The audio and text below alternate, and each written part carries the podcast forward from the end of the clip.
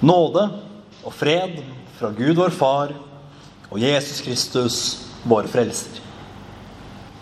Fra før av husker vi kanskje hvordan Johannes døperen så ut. Han hadde et lærbelte om livet og en kappe gjort av kamelhår. Han levde ute i ødemarken og hadde gresshopper og villhonning til mat. Ofte så framstilles han som en vill karakter, sånn i filmer og slike ting. Med bustete skjegg og vilt hår. Rett og slett en skikkelig lurv. Han var ikke akkurat den som var oftest innom samfunnets øvre lag. Men likevel, da. Stå der og brøle ut til folk at de er ormeyngel. Et minimum av dannelse må det da gå an å forvente. Selv av en slik type som Johannes. Ethvert anstendig menneske må da, og burde i alle fall forstå, at sånn, sånn går det ikke an å holde på. Selv ikke for selveste døperen Johannes. Men så har det seg altså slik at Johannes hadde en helt spesiell oppgave. Han hadde et helt spesielt kall, og dette kallet var ikke nødvendigvis så lett å kombinere med det å være et anstendig menneske. Johannes var en profet. Og vi vet at det er ikke alltid så lett å være trofast mot sitt profetkall og samtidig være vel ansett av mennesker. Johannes var trofast mot sin oppgave, og da virker han også veldig streng og ufin. Men hans oppgave var altså ikke å være mild og rund og snill og god. Nei, Johannes han var den røsten som ropte i ødemarken og skulle gjøre Herrens stier rette. Johannes var hard fordi hans budskap var hardt. Han hadde fått en oppgave, og det var å forberede folket på Herren Jesu komme ved å forkynne loven. Men hvilken lov er det nå snakk om, tenker du kanskje? Er det Norges lover? De som sier at vi ikke skal kjøre raskere enn 50 km i timen i tettbygd strøk, ikke snyte på skatten og ikke utøve vold? Nei, det er snakk om en annen lov. Er det da snakk om de internasjonale lover? De som alle siviliserte stater har sluttet seg til for å sikre lov og rett landene imellom? Nei, snakk om en mye høyere lov. En mye, mye, mye høyere lov. For når vi snakker om loven her i kirken, så snakker vi nemlig om Guds lov. Her i mitt manus har jeg skrevet det med stor, med stor L. Det kan naturligvis ikke dere se. Men når vi snakker om loven, så er det altså Guds lov og bud som vi har med å gjøre. Dette er den loven som er lagt ned i Mosebøkene. Men for oss kristne er det kanskje enklest å forholde oss til de ti bud, som er en sammenfatning av Guds lov som vi mennesker må rette, rette oss etter. Og det er med Guds lov som det er med alle andre lover. At når vi får disse lovene forkynt, så forstår vi hva vi ikke bør gjøre. Vi leser Norges lover og skjønner at ok, å snyte på skatten er en dårlig idé, fordi da blir jeg straffet. Så kan det være andre motivasjoner for å ikke gjøre gale ting enn at man blir straffet, men det har jeg ikke tid til å gå inn i, i på denne prekenen. Men vi ser at greit, hvis jeg gjør dette, så er det galt, og da vil jeg bli straffet. Men når Johannes forkynner den lov han er satt til å rope ut, da er det enda strengere. Kanskje fordi det griper enda dypere inn i sjelens mørke. Ikke bare viser loven oss hva vi ikke skal gjøre, men den viser oss også at vi har gjort det vi ikke skal gjøre. vi har gjort det vi ikke skal gjøre. Lovens fremste oppgave er kanskje å vise oss at vi har syndet. Om vi ikke tror at vi har syndet, da skal vi bare gå gjennom nøye hvert av de ti bud. Gjerne med Luthers forklaringer i tillegg. Og dersom vi med alvor og ærlighet og oppriktighet tror at vi har holdt alle Guds bud, ja, da er vi blitt farlig gode på å lure oss selv. Loven viser oss dypet av vår tilkortkommenhet. Og at når det kommer til å holde Guds bud, så strekker vi absolutt ikke til. Og Johannes han fortsetter sin tordentale. Lovens nådeløshet den dundrer over oss som tordenbrak.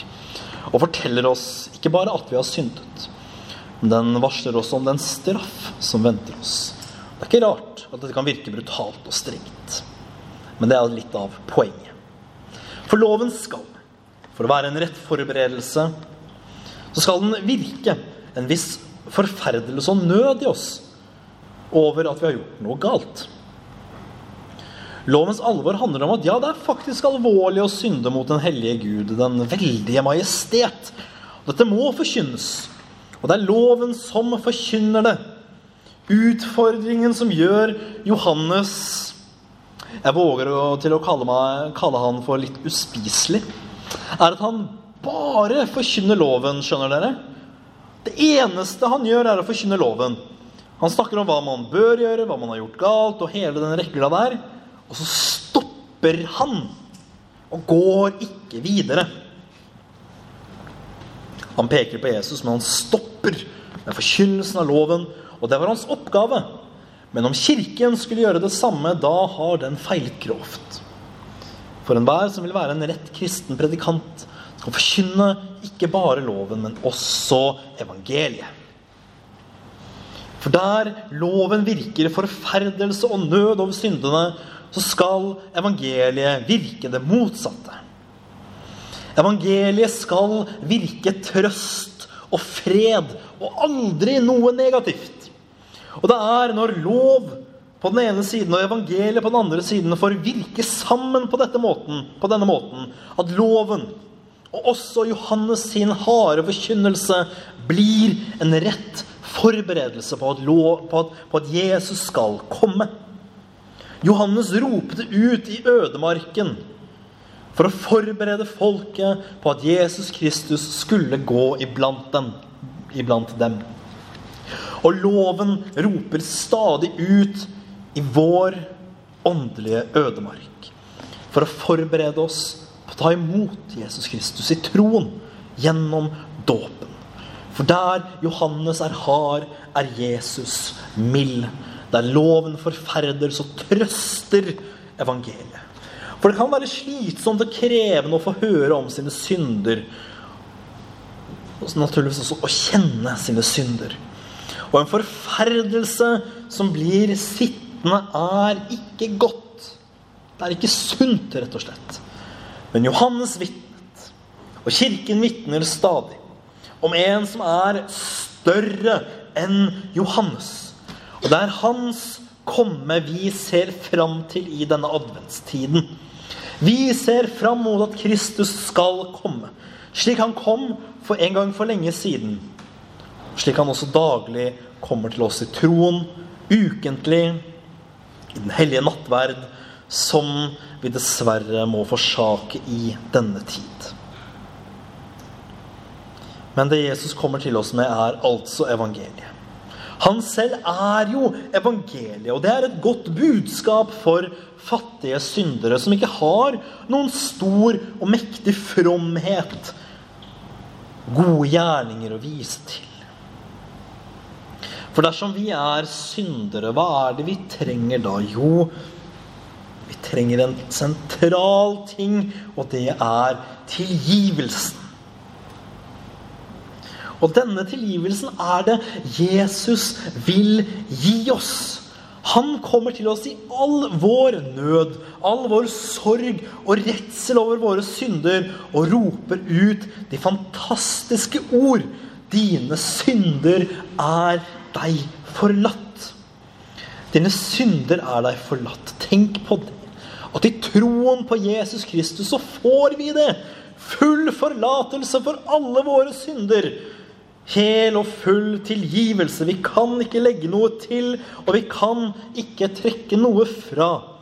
Da Jesus ofret sitt liv på korset, så sonet han alle våre synder. Han sonet dem som en dom. Så vi skulle gå fri for et vidunder. Det er jo dette adventstiden. Det er dette julen. Det er dette alt handler om. Alt springer ut av og kommer tilbake til dette ene sentrum at Jesus døde på korset for syndere, så vi skulle gå fri. Når vi ved troen på Jesus har fått tilgivelse for våre synder, da kan vi legge av all sorg, nød og forferdelse over våre synder. Han har jo tatt dem på seg. Vi kan gå fri inn i livet og inn i evigheten, der han selv vil vente på oss og tar oss til seg i sitt rike. Det er så herlig at det knapt kan fattes. Men sånn er det når Jesus har tatt på seg våre synder, så holder ikke Gud dem lenger mot oss. Skyldbrevet mot oss er slettet, og alt er glemt. Alt er vasket bort. Vi går inn i et nytt liv. Et evig liv. Men tilbake til Johannes. Vi må si noen ord om de råd og bud som han gir. Som han sier skal svare til omvendelsen. For når jeg har snakket om at loven skal avdekke vår synd, så er det det vi kaller for lovens andre bruk. Og Hvis loven har en andre bruk, så må den naturligvis ha en første bruk. Og Det er å gi mennesker veiledning til gode samfunn. Og Sikre lov og rett i samfunnet. Men loven har også en tredje bruk.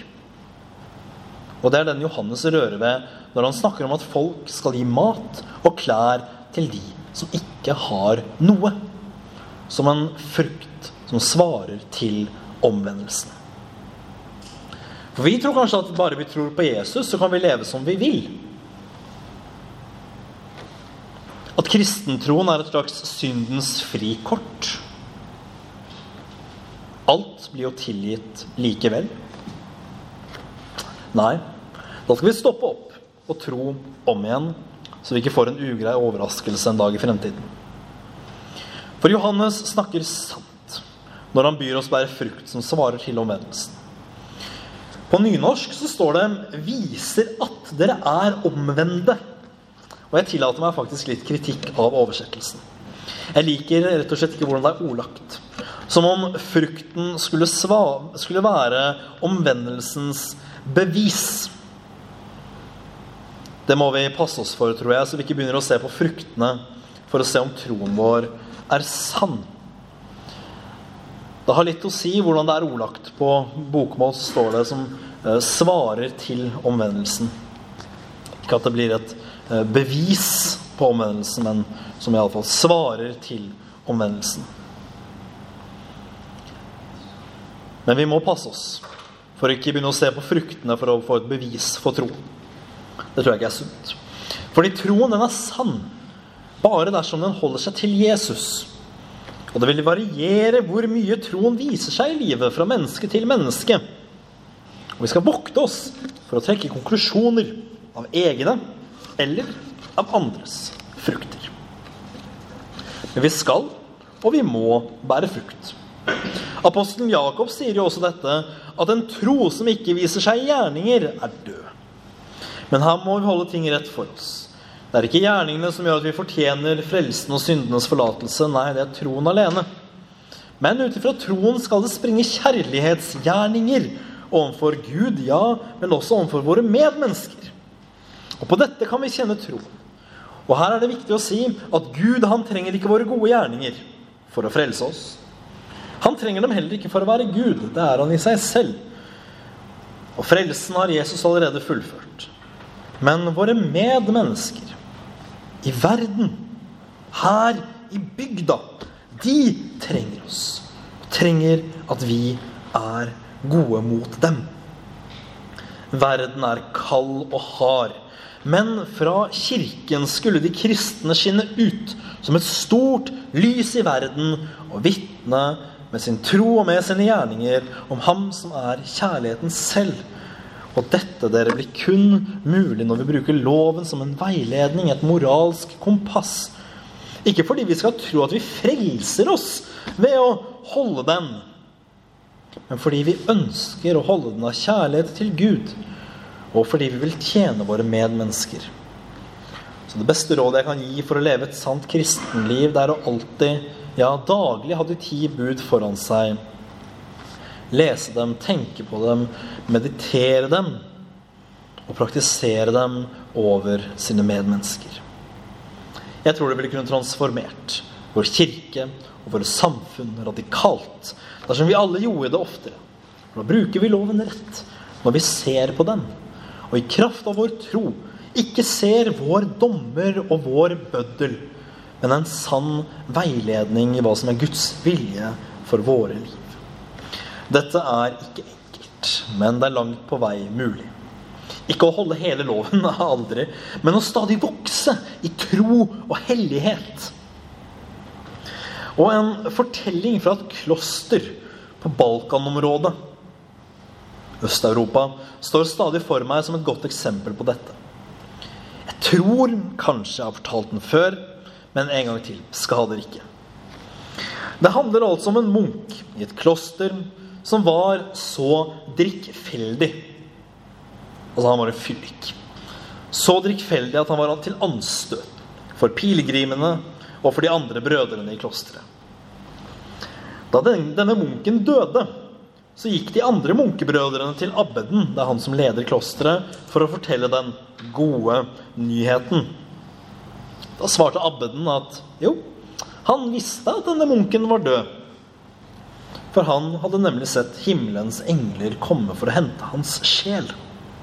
Dette kunne ikke de andre munkene forstå med noe av seg selv. De trodde han måtte ha misforstått. Han var jo en stor synder. Visste ikke abbeden hvem de snakket om? Hvordan kunne han ha blitt hentet til himmelen med så stor ære? Det hadde seg altså slik at på denne tiden da tyrkerne erobret denne munkens landsby, så fikk han brennevin i melken sin da han var svært liten, for å holde han rolig under plyndringene og under volden. Han vokste opp som alkoholiker og kom siden til klosteret.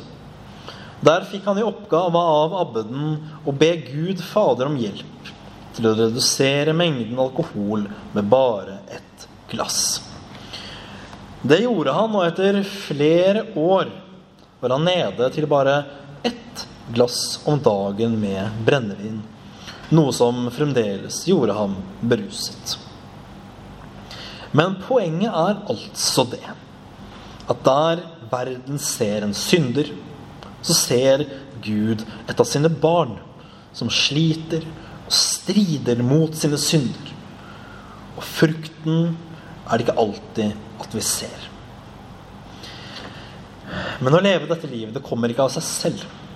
Det krever, som vi også ser av historien, en stadig kamp for å bekjempe våre synder. Både de vi begår mot oss selv og mot andre. Det krever også overnaturlig kraft, men denne kraft har vi faktisk fått da vi ble Guds barn, i den hellige dåp. Johannes advarte jødene mot å bruke den gamle pakt, at de var Abrahams barn, som en hvilepute. På samme måte skal også vi vokte oss for å bruke dåpen som en hvilepute. I alle fall nemlig en falsk trygghet. Men en trygghet er jo dåpen absolutt. Fordi det er dåpen som Guds løfter er knyttet til. Johannes han bruker store ord når han snakker om den dåpen Jesus skal døpe oss med, for å peke på at det er Jesus og ikke ham selv som er Messias. Den hellige ånd og ild skal Jesus døpe med. Og Den hellige ånd og ild er vi faktisk døpte med. For det er den dåpen Jesus innstiftet i Matteus 28 og som alle løfter om frelse og syndenes forlatelse er knyttet til. Det er fint og koselig og stort å døpe barn. Det er noe av det fineste jeg gjør som prest. Men tenker vi over hva som faktisk skjer med dette lille barnet som vi holder og som vi døper? Hva som skjedde med oss i vår dåp? Hvilket himmelsk drama som utspiller seg idet vannet øses over den lilles hode? Det er Gud selv som strekker seg ned for å virke dåpen gjennom vannet og prestens hånd. Slik det skjedde også med alle dere som er døpt. Dåpen må ikke bli en hvilepute, men den er, kan bli og skal alltid være en klippe. Verden kan storme.